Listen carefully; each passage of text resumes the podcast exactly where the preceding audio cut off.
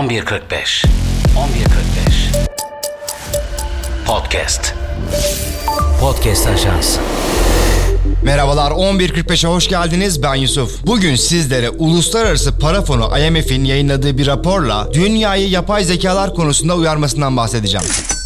Yapay zeka sistemleri hayatımıza çok hızlı bir şekilde entegre oldu. Neredeyse her çalışma sektöründe yapay zeka destekli ürünleri görüyoruz. Savunma sanayinden tıbba, spordan sanata her yerde yapay zeka var artık. Tabii ki yapay zeka ile beraber çok hızlı bir şekilde teknoloji ilerliyor. Verimlilik artıyor.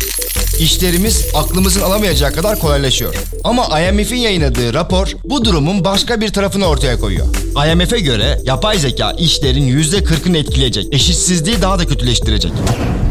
Yapay zeka küresel ekonomiyi dönüştürecek, insanlığa fayda sağlayacağından emin olalım başlığı taşıyan ve IMF Başkanı Kristalina Georgieva imzasıyla çıkan raporda Georgieva, yapay zeka dünya çapındaki işlerin neredeyse %40'ını etkileyecek, bazılarının yerini alacak ve diğerlerini tamamlayacak. Potansiyelinden yararlanmak için politikalar arasında dikkatli bir dengeye ihtiyacımız var diyor. Yapılan çalışmalarda yapay zekanın yaygınlaşmasının faydaları ve riskleri göz önüne alınıyor.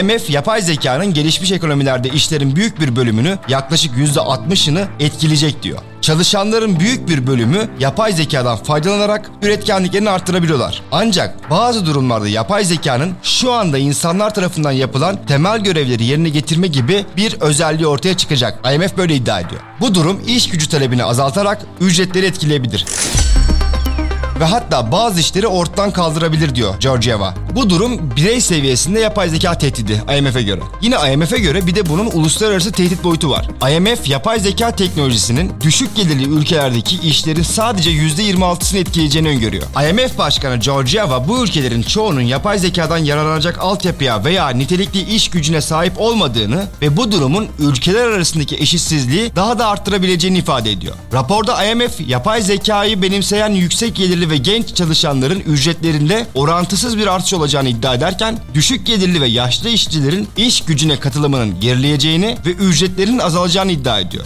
Yani genç ve imkan sahibi nüfusu olan ülkelerin teknolojileri ve ekonomileri gelişiyor ve görece fakir ülkeler ile imkan sahibi ülkeler arasındaki makas iyice artıyor.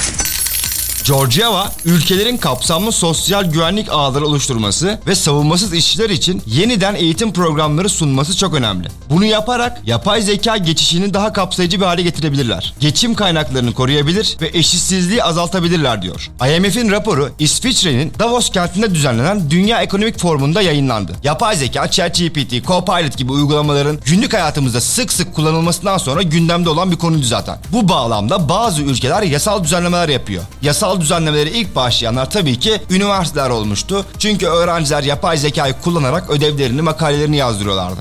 Geçen ay Avrupa Birliği ilk kapsamlı yapay zeka yasaları üzerinde nihai olmayan bir anlaşmaya vardı. Avrupa Parlamentosu bu yılın başlarında yapay zeka yasasını oylayacak ancak herhangi bir mevzuatın en az 2025 yılına kadar yürürlüğe girmeyeceği biliniyor.